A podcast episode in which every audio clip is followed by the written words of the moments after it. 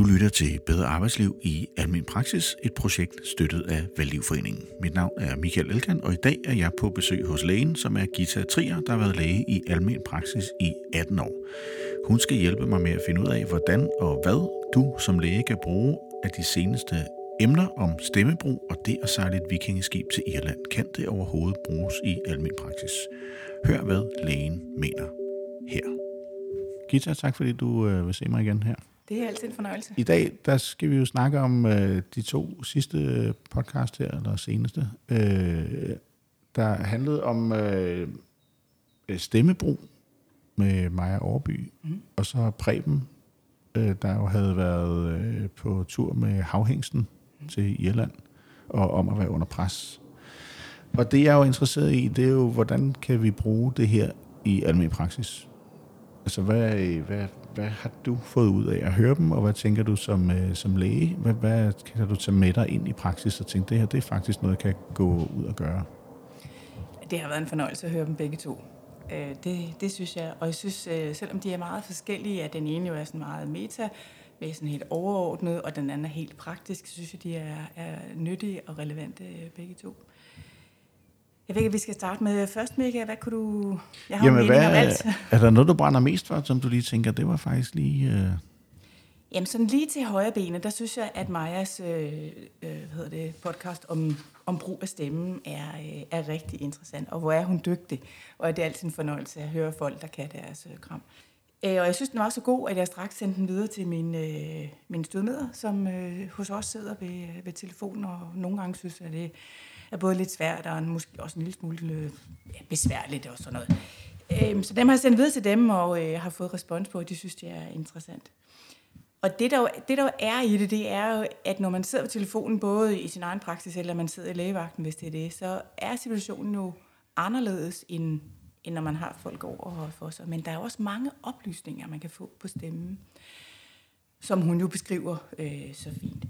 Og det hun jo siger, som jeg tror er er rigtigt og er nyttigt, det, det er, at man, man med det samme skal have, gøre sig indtryk, øh, gøre sig, gøre sig begribelig, eller have, have styr på, hvor alert er den her patient, altså hvor, øh, hvor meget er, hvor vigtigt er det for den her patient at komme igennem med, med det budskab, der er, jeg skal bede om min tid, eller jeg synes, det var for dårligt sidste gang, eller, eller hvad det nu er. Og der tror jeg, hun har så fuldstændig ret i, at man, at man skal man skal spejle sig ind i det på øh, den ene eller på den anden måde. Ikke sådan unaturligt, altså, så, så, så, så det bliver påtaget. Og hun, skriver, hun siger også senere hen, at det kan være en god idé ligesom at gøre sig tanker om, hvordan lyder jeg selv, og hvordan plejer jeg at snakke, og øhm, har jeg lyst til at lave om på det, og kan jeg det, og hvorfor skulle jeg det? Men det er nyttigt at høre sig selv, altså høre, hvordan taler jeg meget hurtigt, taler jeg meget langsomt, taler jeg meget monoton, og så tilpasse det efter den anden. Min erfaring er, og det tror jeg jo stemmer fint overens med det her, det er, at når folk hører sig mødt i den følelse, de har, så falder alertness. Mm. Så hvis jeg har en patient i telefonen, som er meget opsat på at få en tid til ditten eller datten, og jeg spørger ind til, uha, øhm, det, lyder, jeg, er du, det lyder som om, du er, du, er, du, er du meget bekymret, eller er du, er du næsten bange, eller øh, hvor er du lige i det? Så siger jeg, jeg er frygtelig bange. Og når de så får lov at sige, at de, hvad de nu er bange for, så falder, øh, så falder alert næsten, og så er der ligesom hul igennem til, at man kan sige noget. Man kan sige, jamen ud fra det, du har fortalt, så er jeg egentlig ikke bekymret for dig. Øhm, så øhm, du, det er heldigvis slet ikke nødvendigt, at du kommer lige med det samme nu her. Øhm, fordi sådan og sådan og sådan ville det være, hvis det var meget farligt.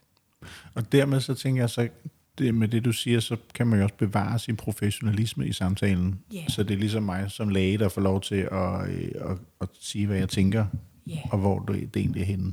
Så vi ikke skal forhandle om det, fordi det hører jo også, der er nogle læger, der havner i, i sådan en samtale, hvor man kommer til at skulle forhandle om, hvad, hvad er egentlig det rigtige at gøre her, har du nu styr på det, og øh, hvor mange et eller andet skal jeg tage, eller kan man få noget andet, eller er der noget andet, der er bedre. Øh, og det vil sige, hvis man går ind i følelsen af det, så tænker jeg, så får man lov til at beholde sin, sin lægefaglighed, ja. som jo er det, man kan hjælpe med, kan man sige. Ja. ja. Hun siger, hun siger øh, rigtig fint, hun siger, at du behøver ikke lyde autoritær for at, for at have autoriteten. Og det tror jeg er en rigtig vigtig pointe. Mm. at, øh, at du skal have ledelsen også i telefonen, og også i, om de skal have en tid eller ej. Men du behøver ikke kommandere det. Fordi så bliver der bare ballade. Mm. Så ligesom, og så sagde hun, og så gjorde jeg. Og, øh, det er en vigtig pointe. Fordi du skal have ledelsen, og det er jo også det, vi snakker om her i Bedre Praksis Livsen, at ledelse er vigtigt i alle mulige sammenhænge. Ja. God pointe. Så hvis man skal analysere sin egen stemme, så kan det jo være fint, at kan ligesom gøre sig de tanker af sådan, der er volumen og toneleje og rytme og betoninger og tempo og, og pauser. Og, og det er jo noget, man kan sidde og lege med hver eneste dag. Altså, hvad, ligesom vi sidder her, også to, kan mm. vi jo lege med det. Og det kan man gøre som sin patient, og det kan man gøre i telefonen. Så det, det er sjovt at lege med, synes jeg. Hun siger en anden ting også, som jeg synes er vigtigt, det er, at hun siger, at budskabet skal passe til den måde, du taler på. Så ja, nu vil jeg lige give et eksempel, det skal jeg slet ikke prøve. Men, men, men hvis man siger noget, der er meget vigtigt, så nytter det ikke noget, at man siger det sådan meget tilbagelænet, og med sådan nærmest sådan lidt ligegyldige øh, ting. Og sådan. Mm. Øhm, det var et meget fint eksempel. men en anden en, som, og jeg i hvert fald har tænkt på det i gamle dage, det var, der var også en sang med Sys Bjerre, der synger den der sang øh, om Marlene, tror jeg hun hedder. Og hun har, Sys Bjerre har den der helt fine, spinkle, mm. øh, lille pige stemme, og så fortæller hun, at Hans lejlighed er brændt ned, og øh, bilen er solgt til skråt, og hans tøj ligger spredt ud over Vesterbro. Men katten har det godt. Og jeg kan huske, da jeg hørte den første gang, så hvad er det, hun synger? Mm. Jeg troede, hun, hun sang, jeg elsker dig, eller et eller andet andet. Men det var, det var, derfor var den så interessant, synes jeg i hvert fald. Fordi, ja, fordi det var så modsat det, det var så modsat, var tekstens budskab. Ja, mm. Øh, og det er selvfølgelig meget sjovt, når man synger, men i, i praksis er det nok, øh, altså er det vigtigt, at, det, at budskabet passer med stemmen. Så, øh, Ja, man kan bare tænke på det der, vi begynder at opfatte folk som passiv-aggressiv, for eksempel, hvis de taler på sådan en, øh, en lidt tilbagelænet måde. Men indholdet det, som vi hører, det, der hører vi lidt noget andet nogle gange. Ja, det bliver arrogant. Ikke? Ja. Det bliver arrogant. Sådan, jamen, det har jeg styr på. Du skal ikke have nogen tid lige nu her. Det går jo fuldstændig galt, hvis man siger det på den måde. Og ja. det er også helt unødvendigt. Altså, det ja. hører man jo slet ikke at gøre. Så så det er nyttigt, og det er lige til at, øh, at lege med. Og øh, hun giver også nogle gode råd til, hvad man kan gøre for, at, øh, at man lyder mere behagelig øh, i telefonen. Der er jo ingen grund til... Altså hvis der er nogle lavt hængende frugter, for eksempel, at man giver sin stemme lidt mere melodi, som hun siger. Øh, det kan man godt lege med, altså uden at det bliver alt for påtaget. Og så nævner hun også, at det, hvis man har lidt mere luft på stemmen, så bliver det rarere. Og de er også, der kan huske Thomas Vinding, og huske Bob. Ej, hvor var det bare behageligt, når han i børneudsendelsen læste op. Det var, mm, der var sådan ro på. Ja, det hedder faktisk uh, mothering inden for uh, sprogteori. Oh, ja. Det hedder, fordi man har det der luft på stemmen, så er det ligesom, når mor taler, så får man sådan en behagelig følelse af, at der er, der er noget sådan, sådan omsorg i det, ja. uh, som man godt læne sig ind i. Ja. Og det er jo gratis. Ja, det er fuldstændig gratis jo, at, at gøre det på den måde. Så hvis man kan det, så øh, og øve sig på det, det tror jeg faktisk er en, øh, jeg ved, når Maja arbejder med det, så er det meget både sidemands, at man lytter til hinanden mm. og giver feedback på, hvad hørte jeg, der ja. skete, men med de der stemmefokus, som, øh, som Maja arbejder med. Øh, og at man gør det gentagende, så man ligesom øh, mærker den der forskel, der er i det, og øver sig på det, så man kan træne det ja. øh, over for hinanden. Og jeg har egentlig også gjort det ud i praksis, både nu er jeg jo sådan mere på det, på det sproglige med min baggrund, som oprindeligt kan mig i dansk, hvor vi har sådan øvet os på forskellige ord. Altså, hvordan kan jeg sige det samme på forskellige måder? Øh, men der giver mig jo sådan en ekstra dimension i for, forhold til sådan at øh, sætte, som du siger, melodi på, eller sætte øh, stemmekvalitet, eller hvad det nu gør. Ikke? Øh, men helt klart, det der med at øve, prøve at sige det samme på, samme, øh, på forskellige måder, det, det synes jeg giver rigtig god mening. Ja. Jo, har vi lige kirkeklokker i baggrunden. Er det okay? det, skal have lukket døren, Michael? Nej, det er, det er sådan, er det, omgivelserne er jo. Ja, det er fint. Hun nævner, øh, og det tror jeg også er vigtigt, hun nævner, at vi vil gerne høre til en gruppe. Så når man, når hun, når man som patient eller borger mærker, at, at vedkommende i den anden ende af telefonen prøver at tilpasse sig, så, så er det jo en accept af, at jeg er okay. Øhm, og jeg kan må godt være sådan her, man kan stadig gerne være her i klinikken. Hun siger på et tidspunkt, at når man matcher det, så er det et udtryk for, sådan, at vi kan godt, den måde, du er på, er okay, og det kan vi godt rumme her. Og det er også en meget god øh, pointe. Ikke at man skal rumme alting. Der er jo nogle gange nogen, hvor man er nødt til at sige, jeg tror ikke, vi kan leve op til dine forventninger. Du bliver nok. Jeg anbefaler, at du finder et sted, hvor de kan det. Og det, jeg tror faktisk også, jeg ville tænke, at det var at rumme, altså det, men det er bare måske ikke noget, jeg har lyst til at samarbejde med, kan man sige. Mm. Altså hvis du stiller for mange krav i forhold til det, som jeg kan tilbyde, så kan jeg jo sige, at jeg, altså, jeg kan jo godt rumme det faktisk, at du bliver vred. Så det er jo ikke vreden, der påvirker mig, mm. men det er samarbejdet, jeg ikke har lyst til. Jeg vil ikke være arbejde sammen med en, der gør sådan, altså, og det er jo ikke, hvad skal man sige, i professionel forståelse, det er ikke min kollega, men en patient, vi øh, måske skal jeg sige, den måde, jeg forstår vores kommunikation på grundlæggende, det er, at vi tilbyder et samarbejde til hinanden. Mm. Så når jeg skal ringe og bestille en tid, så skal jeg jo have nogen i den anden ende, der vil være med på mit samarbejde om, at jeg kan få en tid. Øh, og det er jo der, hvor konflikterne kan opstå, hvor vi er nødt til hele tiden at vise, hvad er det for et samarbejde, vi tilbyder. Så jeg kan forstå, hvad er det egentlig, jeg kan få her. Og mm. det er jo klart, hvis nogen de øh, efterspørger meget mere samarbejde, end det vi kan give, så skal vi jo enten gå på kompromis med os selv, eller så skal vi afvise den. Og det er der, hvor vi kan prøve at gøre det på en rar måde. Så det er ikke, fordi jeg kan rumme dine følelser, tænker jeg.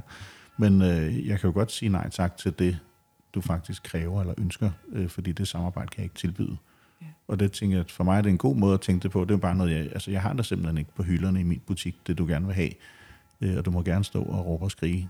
Øh, så, altså man kan også godt råbe et træ, men det er jo stadigvæk et træ. Det ændrer sig simpelthen ikke at, at, at øh, man siger noget andet til det. Så jeg tænker, hvis man kan forstå det som, at jeg, jeg kan godt rumme det og, øh, og være med de følelser og se dig i dem, men øh, jeg vil ikke samarbejde med det. Hmm. Det tænker jeg, hvis det kunne give mening. Ja. Man skal ja. bare være, så der, være opmærksom på det. Ja, men også det der med, at så lader jeg mig ikke påvirke. Altså, jeg, jeg, jeg mister ikke min professionalisme i samtalen, og det er jo det, der sker nogle gange for os, det er, at vi faktisk ikke kan være bevare den der, altså det er ligesom om, der, de, de voksne går ud af samtalen, ikke? så er der mm. ikke nogen voksne tilbage mere. Mm. Og vi er nødt til at have, at der er mindst en voksen i samtalen, som ligesom kan holde tingene på skinner og sige, ved du hvad, jeg kan godt høre, at du stadigvæk er vred, og du stadigvæk tænker, at du skal have en tid i dag, men vi har altså ikke nogen tid i dag. Mm. Og det er jo, det kan være, at man lige skal høre den to-tre gange, før man har accepteret det. Yeah. Men, men vi er nødt til at blive i den der, så der er en af os, der ligesom tager ansvaret af ledelsen, og, øh, og sætter retningen for, hvad der kan lade sig gøre. Det, der er jo så bare vigtigt her, det er, at frontpersonalet, som skal sige til patienterne og borgerne, at jeg har ikke, jeg har ikke den øh, vare på hylden, som du efter, efterspørger, at de ligesom har opbakning for ledelsen. Altså 100% opbakning, for ellers så kommer de jo i klemme, og det går altså ikke. Der, der skal ja. være et tydeligt signal til, det vil vi gerne være med til, og det der vil vi ikke være med til. Det så, når du siger nej tak til det, så er det lige præcis sådan, som vi gerne vil have det her i butikken øh, at der ikke er nogen, der siger, ah, men det skal vi jo ligesom finde tid til, og ham kender jeg så godt, og det er også synd. Ja, det er rigtigt, og det er jo en læringsproces, tænker jeg, at det, det, det man nødt til at have, så man kan ikke skille hinanden ud for at prøve Nej. det, man egentlig tænker, nu gør jeg mit bedste. Ja. Men vi kan have en læringsproces om, hvad det du tilbød, var det det, som, altså, ønsker jeg også det i min organisation. Mm. Øhm, hvis jeg nu er, er leder eller den læge, der har ansvaret. Ikke? Og, og det er jo også der, hvor øh, når man nu har interessentskabsvirksomheder, hvor man nu har øh, x antal direktører, kan man sige, øh, så er man nødt til at have en klar ledelse. Yeah. Og man er nødt til at være enige om. Og, og, og det har jeg i hvert fald set nogle steder, at der er der ikke total enighed for ledelsen, og det er besværligt, og det er synd for frontpersonalet. Det er det, og det giver altid øh, problemer ja. og, og forstyrrelser. Ikke? Ja. Og så er det, man, man kan svært ved at holde det der, som man er. Nå, skal jeg ikke lige lukke den dør? vi, vi lukker lige døren, så vi ikke både har sirener og kirkeklokker og alt muligt andet. Det blev næsten for meget det gode, ikke? ja, ja. Du mangler bare et tamboorkester, så er det, det kan vi måske også øh, levere. Jeg skal ikke uh, kunne udelukke det. Nå, ja.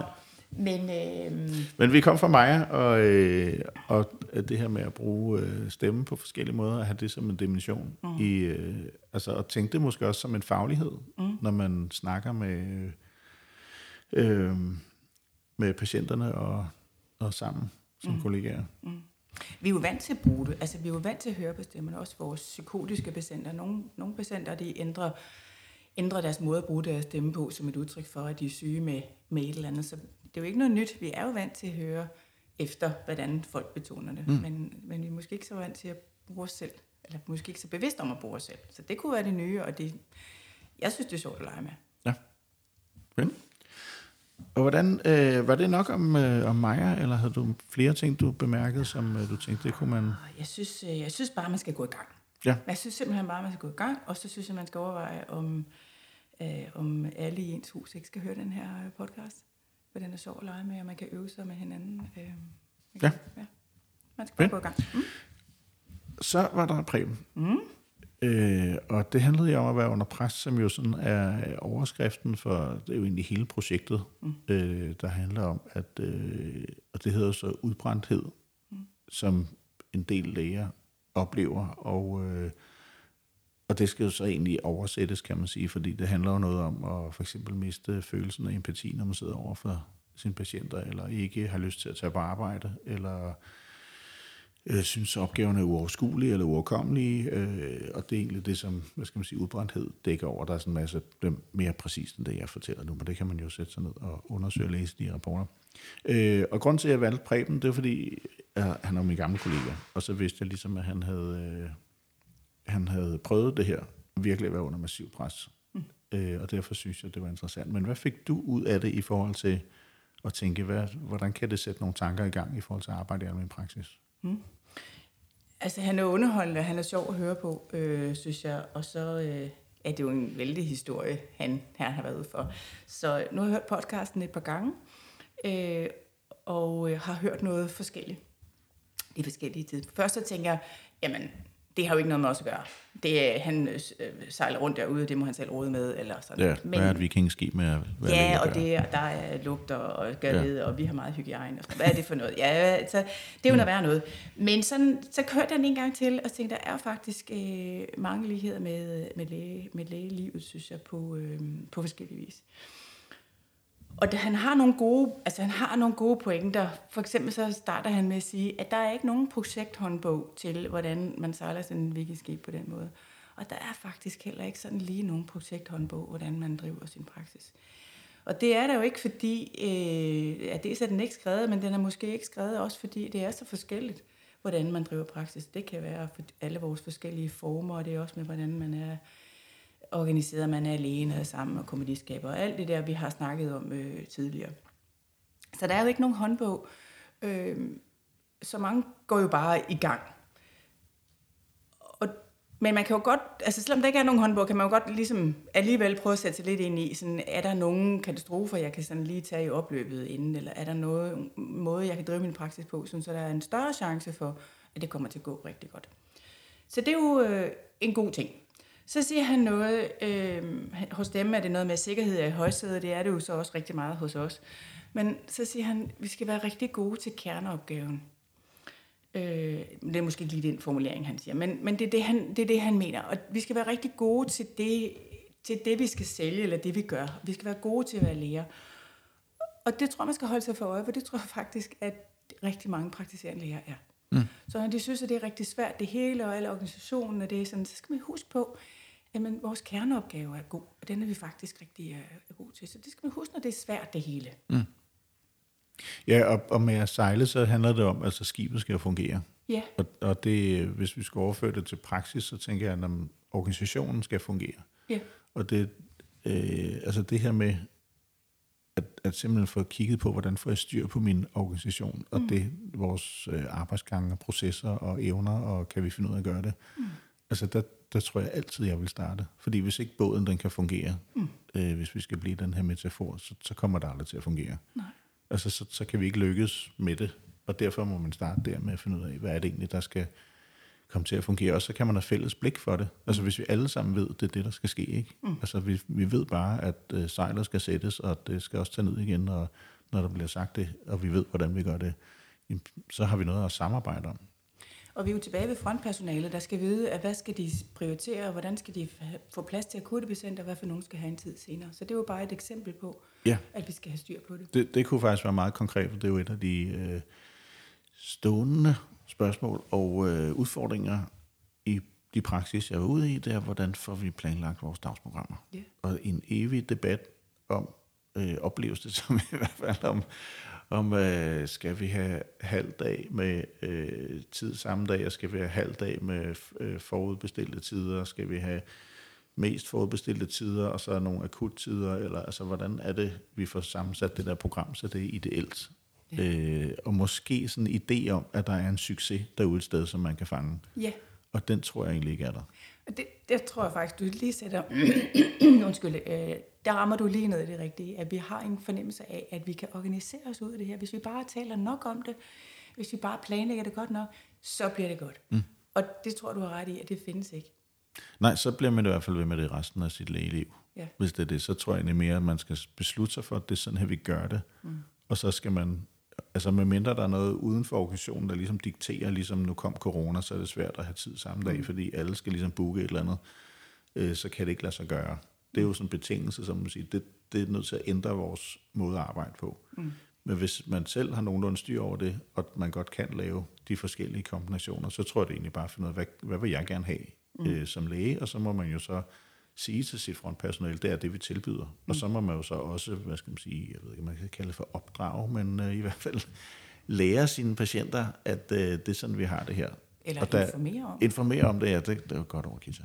Øh, og der er jo bare, jeg hører øh, alle versioner, altså nogle steder, så er patienterne sure over det tid samme dag, fordi så vil de gerne have en tid på torsdag, og det er mandag i dag, og så siger de, hvorfor kan jeg ikke bare bestille? Så siger de, du må ringe på torsdag og så bliver de sure over det. Og andre steder, så øh, skal de vente fem dage før der er en tid, og så bliver de sure over det. Ja. Så jeg tror ikke, der er nogen, man kan gøre glade hele tiden. Man må sige, vi skal være glade for, at det kan fungere. Vi skal have båden til at sejle. Ja. Og få, få vores organisation til at fungere. Ja. Så skal det nok blive godt. Ja. Han siger Preben også uh, lidt senere hen, så siger han, at uh, alle organisationer, eller han hævder i hvert fald, at alle organisationer er lærende organisationer. Så, så vi hele tiden skal tilpasse det. Siger man, nu beslutter vi, at det var tid samme dag, og så kører vi med det i en periode, og så evaluerer vi det igen. Sådan, er vi lykkelige nu? Øh, skal det tilpasses, at det har vi kun om formiddagen, og så har vi faste tid om eftermiddagen, eller, eller hvad det nu er. Sådan, så man er nødt til at have et standpunkt til, man evaluerer sig frem til, at nu skal vi have et nyt. Og det ved jeg også, du vil snakke med folk om, eller praksis om, med sådan Plan, Do, Control, Act. Og sige sådan, hvad har vi, og skal det blive ved med at være sådan, kan vi gøre det endnu bedre? Så ja, det er svært at planlægge det, sådan så at det bliver ideelt.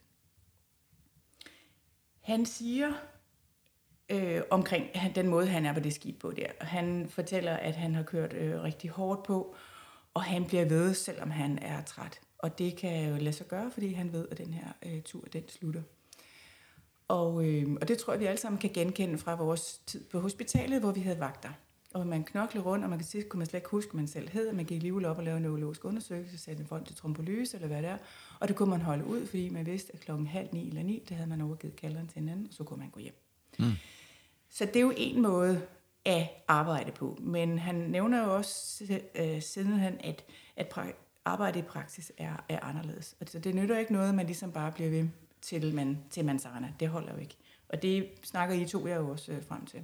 Ja, og, og øh, altså et, en erfaring fra de praksis, der er med, det er jo også, at man, øh, man kan godt finde på at holde en fridag, men så simpelthen lave administrativt arbejde på den fridag. Mm. Altså man tager simpelthen fridagen for at have tid til at arbejde. Og jeg tror, man er nok nødt til også at planlægge sin fritid. Altså mm. øh, når man er under pres, og man hele tiden kan give køb på sig selv og sin tid, mm. Så må jeg nødt til at planlægge, hvornår har jeg fri. Mm. Altså, hvornår kan jeg egentlig slappe helt af? Og mm. øh, der er den her ene praksis, hvor de jo har aftalt, at 15 minutter hver dag, der øh, laver de et eller andet øh, mindfulness, eller noget gymnastik, eller et eller andet. Mm. Og jeg, altså, udover det sikkert også er sjovt, mm. øh, så tror jeg, at halvdelen af det der, at de faktisk holder hinanden op på det. Mm. At de siger, det, du, du kan ikke blive siddende inde i, på dit kontor eller inde i konstationen. Du er nødt til at komme ud. Vi har aftalt, vi gør det sammen. Øh, det er det, jeg hørte, jeg fortalte om det. Så, øh, så det der med, at man ligesom holder hinanden op på, altså det, det er også nødt til at være teamsamarbejde. Mm. Altså, vi er nødt til at holde fri os. Du er nødt til at kunne gå hjem på et eller andet tidspunkt. Øh, og at der er nogle andre, der også skubber til mig. Og altså, at, det kun, at kvalitet er ikke kun, at jeg laver mine opgaver, og når alle de der ting i løbet af dagen, men kvalitet er også, at du faktisk tager dig af dig selv. Mm. Og du tager dit ansvar for dig selv, og du også holder fri, så du kan mærke, at du er fri. Mm. Det, det tror jeg er væsentligt, at vi kan have det. Ellers så, så øh, vi kan godt være under pres i noget tid, men vi kan ikke blive ved. Det er rigtigt. Det, det er der ingen af os, der kan. Så der må man kunne sige fra. Der er to pointer i det, du siger. Øhm, det ene, det er, at når vi har patienter, som knokler alt for hårdt på for at hjælpe deres ægtefælle, eller hvad det nu er for en opgave, de skal løse, så er der mange af os, der bruger den terminologi, som der er i flyveren, hvor de siger, at du skal tage iltmasken på selv først, før mm. du hjælper dit barn. Ja, og det er jo rigtig det tit. Øh, ja, det er godt billede, og det skal vi også huske på her øh, i vores, i vores øh, arbejdsliv.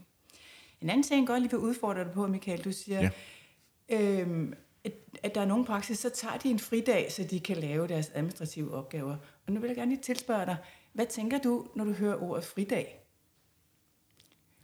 Ja, så tænker jeg, at de ikke er fri jo.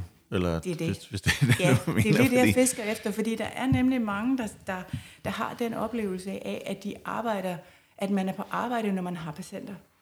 Ja, altså det tror jeg. Jeg tror, at det der med, at man er på arbejde, når man tjener penge, og man øh, udskriver ydelser, Ja. det er simpelthen det, der er arbejdet. Og, øh, og øh, for eksempel er der også et, noget, der bliver talsat, det er skjulte opgaver, som de her attester, man sidder og udfylder. Og det er jo noget, som man tænker, det får jeg jo ikke rigtig penge for, som jeg forstår det. Ej, det gør så, man så tit alligevel. Men, men det er ikke så bare- mange i forhold til, hvor meget det tager. Det Eller er eller bare irriterende, fordi der hjælper man jo ikke nogen sådan lige her Nå, og nu. okay. Sådan, det Der er er i bare hvert fald- nogle andre, der beder om det, og det er bare bestillingsarbejde. Okay. Der er i hvert fald noget omkring de der tester, som gør, at det ikke føles af samme arbejde, som, øh, som når man sidder med en patient og har en konsultation. Mm. Øh, så der er, der er en eller anden forståelse af, hvornår det er, jeg arbejder, og hvornår det er, jeg har fri. Og, og at arbejde kun er den der pengeforståelse af arbejde, i stedet for, at hvis man nu fjernede fokus og tænkte bare, går der penge ind på kontoen hver måned? Hvis jeg nu havde tænkt det som et job, mm. og man tænkte, det gør der, så vil man jo bare arbejde. Mm. Øhm, og, og øh, så vil man ikke tænke, for det er jo det, der kan stresse en, hvis man skal sidde og tænke hver 15 minutter, hvor meget har jeg tjent nu. Mm. Så tror jeg, man også vil føle et pres, fordi man hele tiden mærker, at, at hvis jeg så ikke har de 15 minutter, så tjener jeg ikke penge. Mm. Men det gør det jo. Så du tjener jo penge. Det er rigtigt nok, at du ikke...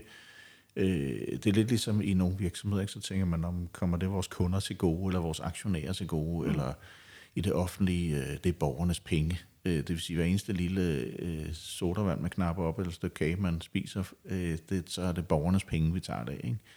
Og det giver jo kun grobund for dårlig samvittighed til enhver tidspunkt. Og det vil sige, at jeg kan faktisk aldrig slappe af, fordi jeg skal altid tjene penge. Mm. Og så tror jeg faktisk, man, øh, det er virkelig en bjørntjeneste, man gør sig selv, i stedet for at tænke, det går faktisk godt, der går penge ind på kontoen, og øh, vi har det fint. Og så, må, så, så er det rigtigt, der er noget gynger og karuseller, og, øh, og jeg også skal slappe af og trække vejret. Og, øh, og, men altså, hvis man løber et maraton og ikke stopper ved nogle af vandposterne, øh, fordi man tænker, at jeg taber tid i et langt løb, så tror jeg faktisk, at man knækker et langt løb. Ja. At man er nødt til at stoppe og, øh, og få noget, øh, noget proviant og noget, noget at drikke, for ellers så kan man jo ikke klare sig. Jeg vil gerne slå et slag for, at man ikke kalder det fridag, når man har administrationsdag. Nå ja, altså, og lige finde nogle andre ord. Finde nogle andre ord, ja. fordi at der er også, øh, jeg synes, jeg oplever nogle gange, at når man skal forklare folk, som ikke er læger, øh, at hvis man har fire dages arbejdsuge, hvilket der er mange, der, der har, så tror folk, at så holder man fri den femte dag. Så fire dages arbejdsuge, det betyder, at man har patienter på sit schema fire dage om ugen, og så laver man alt det andet på den sidste, på den sidste dag. Og det er jo det, der gør, når man laver alle de administrative ting den sidste dag, det er jo det, der gør, at butikken kører, og at man kan have patienter de fire første dage. Så jeg vil gerne slå et slag for, at det ikke hedder fridag, men Ja. noget andet. Ja, administrationsdag, eller Whatever. ja, Ja. hjemmearbejdsdag. ja. Et eller andet. Øh, fordi når man skal forklare det til andre, så, så tror de, man holder fri. Mm. Og så står man der og siger, men jeg har ikke fri, og så, så er det sådan, hvem har mest ret til at vide, hvad jeg laver, eller skal hedde noget andet. Administrationsdag. Ja, og måske øh, et, øh, et tillæg til det, at øh, der er nogle læger, de synes, det kan være besværligt, hvis de for eksempel har øh, frokoststue, øh, hvor de skal ud i venteværelset, og så ind i frokoststuen. Fordi så kan øh, patienterne jo se, hvornår de går til pause. Og så er det som om, de ikke laver noget. Og så kan de have sådan en lille, øh, altså, hvor man ligesom skal retfærdiggøre over for sig selv, at det er faktisk okay, at jeg holder en pause. Ikke? Så der er også en lille stressmoment i det, mm. at jeg ikke bare kan gå til pause med god samvittighed, og så sætte mig derind og slappe af, fordi så slapper jeg jo ikke af, hvis der sidder nogen ude på den anden side og tænker, hvornår kommer de ud?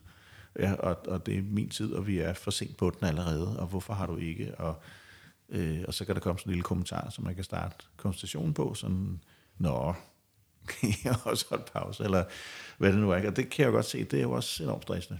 Og det, jeg tror, at afmontere den handler nok om bare at få det sagt. Ja, At sige, at vi er bagud, og det ved vi godt, men vi skal have en pause, ellers så kan vi sgu ikke klare den. præcis. Øh, så det ligesom bliver sagt. Ja. Fordi så er det ligesom ude, og så har man også taget ansvar og ledelse for den del. Mm. Øh, så det, det tror jeg er lige så væsentligt. Og som du siger med at sige, øh, jeg er hjemme på torsdag eller fredag, eller hvad det nu er, øh, hvor jeg laver administrativt arbejde, i stedet for at kalde det som du så siger, fridag Ja. med arbejde. Ja, i fridag, så tager man i skoven med børnene, ikke? Ja. Ja. Mm. Er der andre ting, du tænker, Preben øh, Ja. snakkede om? Jeg synes, Preben, han fortæller rigtig, meget, rigtig fint øh, noget om årsagen til, at han bliver så øh, brændt ud, eller bliver så stresset. For så siger han, at det er folk, som brænder for noget, som har mulighed eller risiko for at brænde ud. Og det tror jeg er en rigtig fin pointe. Fordi de, som ikke rigtig brænder for det, som kører det lidt venstrehåndsarbejde, de, øh, de kommer sjældent i den her situation. Der er mange lærere, der er rigtig øh, kede, altså meget kede af selvfølgelig, men også en lille smule flove over, at de er kommet til at brænde ud, eller blevet stresset eller noget. Så hvis man nu lige tænker på, at det er jo fordi, de brændte i starten, øh, så er det måske en lille smule mindre slemt. Men vi er jo ikke meget for at bukke under selvfølgelig, og vi er ikke meget for at, at brænde ud, men han giver faktisk nogle gode forklaringer på det. For han bliver spurgt om, hvorfor han bliver stående, hvorfor han bliver på båden, og hvorfor dit og datten, og så siger han, at hans ansvarlighed gør, at han bliver ved med at arbejde, selvom, øh, selvom det er svært. Mm. Og det tror jeg rigtig mange praktiserende læger, de kan genkende. Vi er enormt ansvarlige, vi følger alting til dør, så der skal ikke være tvivl om det ene eller det andet. Og så siger han lidt senere, så siger han, at forfængelighed gjorde også, at han blev stående. For det skulle ikke hedde sig, at han ikke kunne klare distancen. Og det tror jeg også, at vi er mange, der kan sige øh, ja til, at vi vil gerne kunne, øh, kunne klare det hele.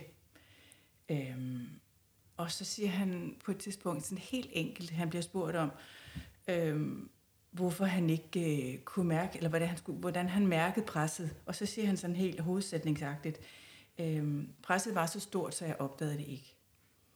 Og det tror jeg er, er virkelig rigtigt, at når der bliver så meget af det, at så kan man slet ikke mærke det. Det er ligesom vores patienter, der er sammen med øh, voldelige ægtefælder, eller andre sådan helt, helt urimelige situationer, man siger, men, jamen hvorfor gik du ikke? Altså, de, de, de, de kan slet ikke se det mere. Det bliver så voldsomt, de slet ikke kan se det mere. Så selvom det har noget med en båd og, han, øh, og, og meget regn og alt muligt, så tror jeg, at de der pointer er rigtig vigtige, at vi er meget ansvarlige, vi har en vis forfængelighed, og når presset bliver så stort, så kan vi slet ikke se det og slet ikke mærke det. Og så opdager han jo, som også nogle af vores kolleger opdager, at lige pludselig så siger kroppen fra, som nogen de siger sådan, jeg sidder ude i bilen, og jeg kan ikke huske, om jeg er på vej på arbejde, eller på vej hjem fra arbejde. Mm. Og så må vi sige, så er det, så er det tid. Så siger han øh, en anden ting, som jeg tror også er øh, rigtig vigtig. Han siger, det er måske ikke så meget, hvordan du har det, men hvordan du tager det.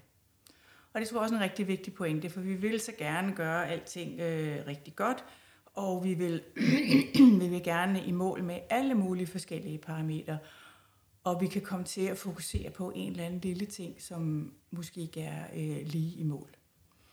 Så hvis vi lige vender tilbage til det, han sagde indledningsvis, at hvis man har styr på kerneopgaven, som jeg er faktisk nogle gode læger, så kan det være, at der er nogle detaljer eller nogle små ting, som vi behøver måske ikke øh, koncentrere os så meget om det. Det behøver ikke blive vægtet så meget. Som en anden en, jeg kender, siger, sådan, der er jo altid et problem, der er det største. Og det er jo rigtigt, og hvis det hele er kaotisk, så er det, øh, så er det måske dagsprogrammet, der er det største. Og hvis man har styr på rigtig mange andre ting, så er det måske sådan, at der ikke lidt koldt ud i venteværelset. Jeg synes, det trækker lidt. Altså, så kan det blive det største, eller der trænger til at blive malet, eller noget andet. Mm. Så der vil altid være et problem, der er det største, men spørgsmålet er, hvor meget det skal, det skal have lov at fylde. Han siger, nogle, han siger en anden ting, som jeg også synes er virkelig nyttig for os, og som er lige til højre benet, det er, at han siger, at du skal huske at fejre succeserne. For man kan hurtigt komme til at koncentrere sig om det problem, der er det største, om det er, om det trækker ud i venteværelset eller ej. Så hvis ikke man husker på, jamen vi nåede faktisk rigtig godt med det nye mål med, at vi fik lagt dagsprogrammet om, eller vi er blevet gode til, at øh, vi har fået en ny ordning omkring PCOS, eller vi har et eller andet andet. Husk at fejre succeserne. Jeg hørte om en anden praksis, hvor de havde været rigtig gode til at holde møder, og de har sådan nogle møder, hvor man indledningsvis sagde, hvordan har vi det? Og så kom nogen til at sige, at jeg synes, jeg er lidt stresset, og sådan og sådan. Og så var der nogen, der havde forskellige ting, som de ikke var så glade for. Og så startede det her personalemøde, eller hvad for et møde det nu var, det startede med alt det, som ikke var så godt. Og så, mm, så var der ligesom lagt sådan en dæmper på mødet. Så var der en, der foreslog, skal vi ikke starte med at uh, i talsætte det succes, de succeser, vi har haft siden sidst? Og så snakkede vi om, at der var blevet bedre, der var mere styr på det ene og på det andet og tredje. Og så var møde stemningen bare helt anderledes, at når punkt to, punkt et, det er godkendelse af seneste referat. To, det var, hvordan har vi det? det var også Punkt to, det er, hvordan har vi det? Det ændredes til, hvad har vi været, hvad er vi kommet i mål med siden Så var der bare sådan en yes-stemning. Og hvad, så, hvad har vi så, øh, de næste projekter, vi har i gang? Sådan, yes, det skal vi også i mål med. Husk at fejre succeserne. Det er gratis, det er lige til højre bene. Det er jo ja, vores egne succeser. Virkelig nyt.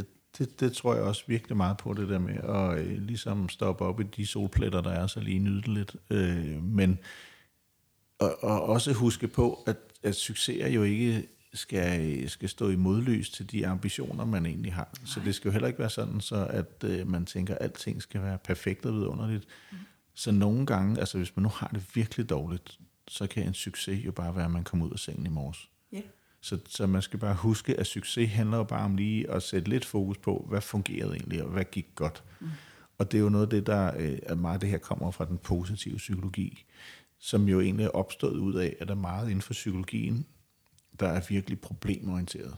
Altså hvor man næsten kan blive lidt deprimeret af at bare sidde og snakke om alt det, der er så dårligt. Så derfor så sagde den positive psykologi sådan, okay, hvis vi nu har nogen, der virkelig, virkelig har det svært, hvordan får vi så flyttet dem et sted fra, udover at sidde og snakke om alle deres traumatiske oplevelser, og øh, at de har fået whatever siddet i kørestol, eller har skulle igennem store omvæltninger af deres liv, hvordan, hvor starter vi så henne? Ikke? Og det er ligesom at sætte fokus på det der, der, der fungerer og alt det der. Så hvis man bare husker, at hvis man gør det, så handler det ikke om, at vi skal være glade og harme over overhovedet hele tiden, mm. men det giver bare, som du siger, en anden stemning, hvis vi bare har lidt fokus på, hvad det var, der fungerede. Mm. Så vi, altså, det dårlige skal nok øh, øh, komme af sig selv. Det kan man selvfølgelig have fokus på, så man er forberedt på at kunne løse det, men hvis der slet ikke er noget af det positive, øh, så, så er man også nødt til at have fokus på det, ikke? Yeah. så det ikke hele bliver dårligt. Yeah. Og måske kommer det så også af, det at kunne se nogle af de praksis, jeg har været ude i, at man har nogle ambitioner, der ikke altid kan blive opfyldt. Yeah. Altså at man simpelthen har nogle mål og tanker om, øh, altså vores hjerne er jo forbandet på den måde, vi tror, vi kan forudsige fremtiden hele tiden, og, og det er jo lidt sådan en kunstig virkelighed, vi nogle gange bevæger os rundt i, fordi vi, vi efterstræber at nå et mål, der ikke rigtig findes. Altså vi tror, vi kan nå x antal ting i løbet af en dag, men og det er jo underordnet, om det er små opgaver eller store opgaver, så, øh, så viser det sig, at vi altid er for optimistiske med, med det, vi kan nå. Det grundting i, altså selv i øh, kæmpestore øh, projekter, er det sådan en, en, øh, der er en dansk professor, der sidder over i Oxford, der hedder Ben Flyvbjerg, og undersøger sådan nogle kæmpe øh, gigaprojekter, hvor det, det simpelthen det, han nåede frem til, det er hovedårsagen til, at alle de her kæmpe projekter fejler, metroer, IT-projekter, OL, det er sådan nogle kæmpe store projekter, det er simpelthen vores optimisme omkring tingene. Ja. Altså vi glemmer simpelthen at tænke lidt mere pessimistisk. Øh, nogle gange, men øh, at det jo også gør, at vi, vores succesmål simpelthen bliver så stort, så vi skuffer os selv hele tiden. Mm. Og, og når vi gør det, så, så mister vi ligesom den der, hvad er det så egentlig, der er succes? Og så er vi nødt til at spole lidt tilbage og tænke, okay, det var en succes, vi bare fik løst de seks opgaver i dag, og ikke de ti, som vi havde tænkt. Men at vi lykkes med noget af det, og ikke fokusere på de fire, som vi ikke lykkes med, og ikke noget, men at vi tænker på de seks, som vi også nåede. Mm. Så det der øh, balance imellem, at vi, vi er nødt til at have fokus på det, der faktisk er og er en succes, og ikke kun det, som vi ikke fik gjort, og ikke noget, og alle de der ikke-ting, som vi, vi kan gå i stå på. Ja. Preben snakkede jo om, at, øh, at, at når man er lærer, så må man jo helst ikke tage fejl. Og det skal man jo heller ikke, når det er vigtigt. Øhm, og som jeg plejer at sige til min uddannelseslærer, der er der to ting, du skal være opmærksom på hver eneste konsultation. Du skal tænke på, er det farligt? Er det noget, der skal gøre noget ved nu? Er det akut? Kan det blive farligt på sigt, så skal du huske, at du skal have snor i patienten. Du skal have fat i patienten, så du hele tiden kan følge med og se, bliver det til noget. Hvis man har så de to ting for øje, så er man egentlig meget godt kørende. Alle de andre problemstillinger, der har du tid til det, og der kan du vende tilbage til patienten på den ene og på den anden måde. Så det er jo rigtigt nok, vi, vi, vi, kan jo ikke, vi kan ikke undgå at lave fejl, og det gør vi jo hele tiden. Men der er nogle fejl, som vi ikke må gå. Vi må ikke overse meningitis, og vi må ikke overse det og den. Det skal man have fokus på, skal man altid. Og derudover, og der må man helst ikke lave fejl. Og men derudover skal man rumme, at man laver fejl på den ene eller anden måde. Og man kan ikke arbejde, man kan ikke have hænderne op i lommen, uden at lave fejl. Og der snakker Preben om, at der er sådan en kultur i dag, hvor fejl ikke accepteres. Øhm, og det skal man have sig for øje, at det er et, et å, man skal tage af. Man skal ikke lade sig man skal ikke lade sig rulle med ind i det, at du ikke må lave fejl. Du bliver nødt til at lave fejl, øh, og du bliver nødt til at lære af de fejl. Ikke det der med meningitten, vel? Det, det skal man helst ikke. Men det andet. Så der bliver nødt til at være en kultur, hvor, vi, øh, hvor der er plads til fejl, der er plads til at vende tilbage til en kollega eller en sygeplejerske, eller noget og sige, hov, det, det var, jeg var ked af, at jeg kom til at sige det på den her måde, det var ikke ment på den her måde. Der bliver nødt til at være et rum for det. Ja, altså jeg tror, og jeg vil gerne prøve at vende den om, og sige, at der skal være plads til åbenhed, og der skal være plads til støtte. Mm. Fordi når vi får det, så, så får jeg også lyst til at fortælle, at jeg har øh, gjort noget, som jeg var i tvivl om, eller noget, som jeg ikke synes var godt nok, men hvordan kan jeg gøre det anderledes? Mm. Og så får jeg automatisk det der lærerne ind. Men, men hvis jeg hele tiden har en, der sidder ude i øh, for eksempel og skal tage telefonen og afvise øh, patienter, og synes, at man gør det på en dårlig måde, så kan jeg jo kun komme til at synes, at patienterne er dumme mm. og forkerte. Yeah. Øh, fordi jeg skal jo ligesom bevare mig selv i det arbejde. Fordi hvis jeg hele tiden synes, at jeg selv er dum og forkert, yeah. så, så gør jeg noget med fladet, og så mm. kommer jeg ikke på arbejde på et tidspunkt. Men hvis jeg skal bevare mig selv i det, så, øh, så bliver det jo, at jeg, jeg gør nogle andre forkerte ofte. Ikke? Det er det, vi kommer til som mennesker. At sige, så, så er det dig, der er forkert, eller hvad det nu er. Øh, men hvis der nu bliver plads til, at jeg faktisk godt kan komme til mine kollegaer og sige, jeg synes, det er svært der, jeg, jeg ved ikke, jeg, jeg prøver at sige det ordentligt til dem, men der er simpelthen så mange sure i telefonen, altså kan jeg gøre det på en anden måde? Kan jeg, er det det, jeg siger, eller er det måden, jeg siger det på, ligesom med, med Maja her, eller øh, hvad gør I, når I gør det? Øh, eller kan jeg høre en af jer gøre det, så de kan sådan tjekke ind på, hvad er det der for noget. Mm. Og det tror jeg mere på, det der, hvor at, at det der med at fejle og se det mere som, der er et eller andet... Øh, jeg skal gøre anderledes. Skal men, men hvis ikke der er plads til, at jeg kan sige det, så, og jeg bare bliver for at vide, at jeg er dum eller dårlig eller forkert, eller mm. tager mig sammen eller noget andet, øh, så kommer jeg ikke og siger, hvornår det er svært. Og så bliver det bare en sten i skoen på organisationen, der, der bliver ved med at være der hele tiden. Yeah. Så det tror jeg, især i praksis kan jeg jo se, at det, det er nok noget, der er rigtig er nødvendigt, når man er så få, der arbejder sammen. Altså selv en stor praksis er måske øh, 12-20 øh, mennesker. Ikke? Det er jo stadig en lille organisation. Øh, så, så der er behov for en eller anden form for åbenhed omkring, at vi kan sige tingene, eller sige man aftens hver dag, bare kan det være nogle gange, ikke? Mm. så man kan få noget støtte, og vide, at jeg faktisk har nogen, der, der øh, holder mig oppe, øh, og ikke bare overser mig, eller overser, at jeg ikke øh, trives, eller øh, evner mine opgaver, eller hele tiden skal sidde og være i tvivl. Øh, det kan jo se især de... Øh, de sygeplejersker, jeg kan se, der skifter fra øh, hospitalsverdenen, hvor de har været vant til at lave én ting, øh, meget det samme. Øh, og de så skifter over til almindelig praksis, hvor de pludselig skal kaste ud i nye øh, ja, faglige områder og øh, en anden måde at forholde sig til patienterne på, og et andet samarbejde i forhold til samarbejde med læge og, øh, og sekretær. Jamen, hvis ikke der er plads til, at de kan være i tvivl og kan komme med den der, sådan, hvad gør jeg her, eller øh, det, det her med, at altså, er døren altid åben til lægen, eller skal jeg rende rundt som sådan en, øh, en kat uden for døren, og sådan finde ud af, hvornår er det egentlig, jeg kan få lov til at komme ind og spørge om noget, ja, så bliver det rigtig svært, fordi så, så kan jeg ikke få justeret ind, og så, så går jeg og laver fejl hele tiden, tror jeg. Det kan også være, at jeg gør det rigtigt. Jeg ved det simpelthen ikke, men jeg har brug for den der støtte og samarbejde, for at jeg kan få tingene til at fungere. Så det tror jeg rigtig meget på. Og, altså, vi ikke ser det som fejl, men ser det som, der er behov for åbenhed, øh, så vi, vi faktisk kan rumme de der ting, for ellers så lærer vi jo heller ikke noget. Præcis. Så gør vi bare det samme hele tiden. Yeah. Og så, så sker der ingenting. Så laver vi også de samme fejl hele tiden. Så laver vi de samme succeser hele tiden, og vi laver også de samme fejl. Ja, så går vi i stå i vores organisation, yeah. og så udvikler vi os ikke. Og det, det er et skidt ståsted, fordi hvis vi har en organisation, der rent faktisk skal flytte sig og udvikle sig, så kan den også godt rumme alle de der udfordringer, der kommer, og så tror jeg på, så bliver man mindre udbrændt. Mm. For så kan jeg godt sige, at øh, i dag i hvert fald, skal jeg ikke have så mange patienter, for jeg har simpelthen brug for noget mere luft. Jeg har brug for at opleve en dag, hvor at, øh, jeg kun har fire patienter, og jeg har nogle pauser, hvor jeg kan få noget overblik og rydde op, eller hvad man skal. Mm.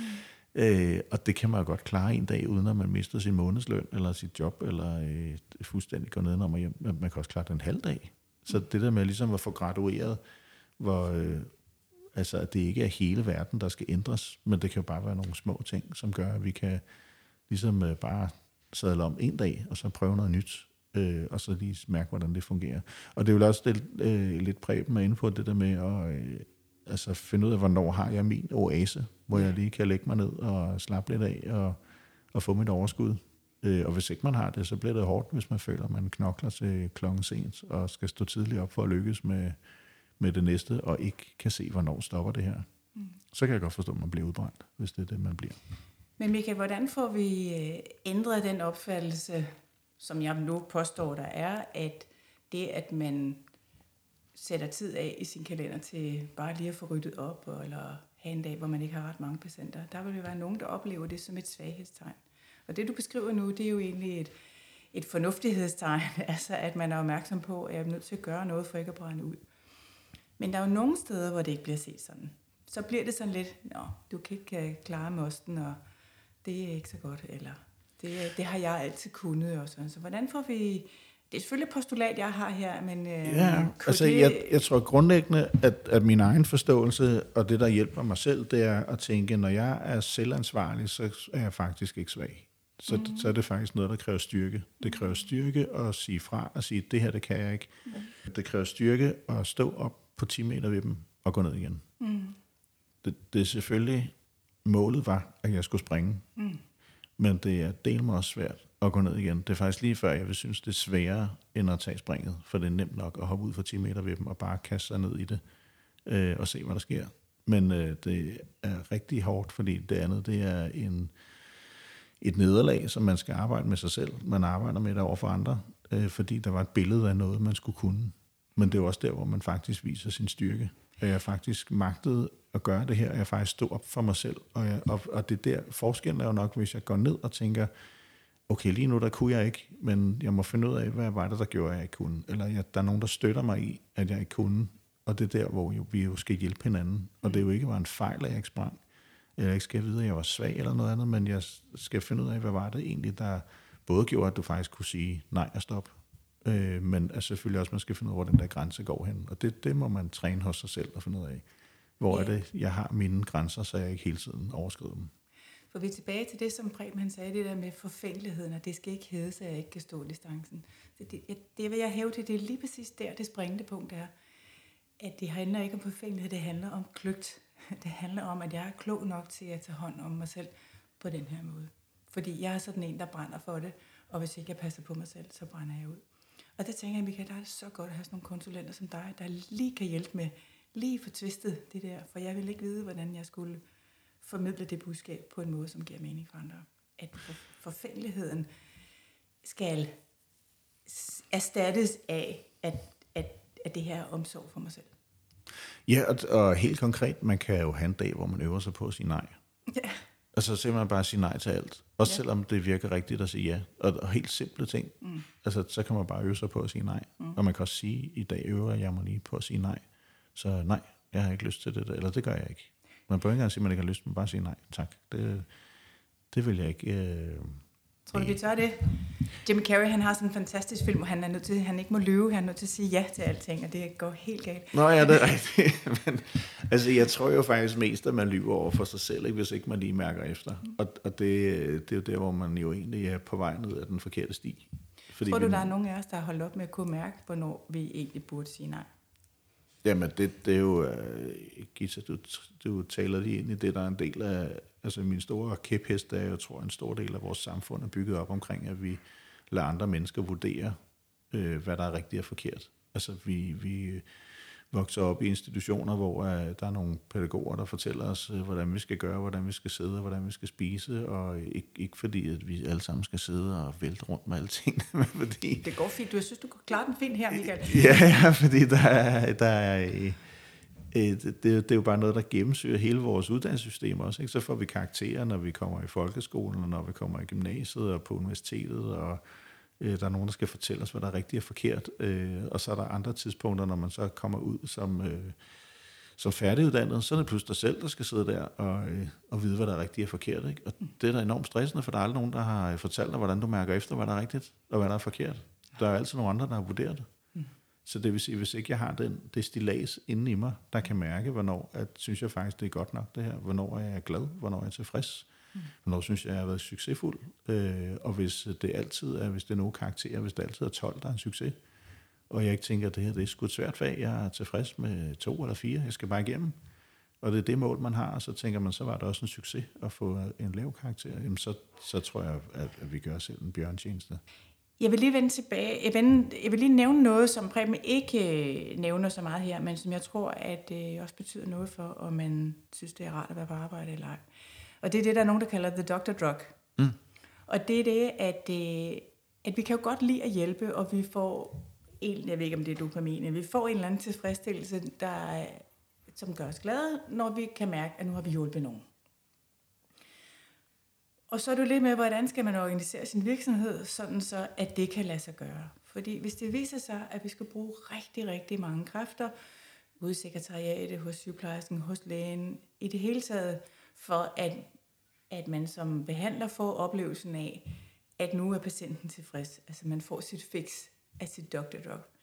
Hvis der er ubalance i det, at man skal bruge rigtig meget energi på at få det drug, ja, så skal man tænke sig om igen. Så skal man tænke sig om, enten, altså, hvordan har vi det organiseret, hvor meget arbejde bruger vi på det, eller så skal man tænke på, hvor afhængig er jeg egentlig af det her Dr. Drug.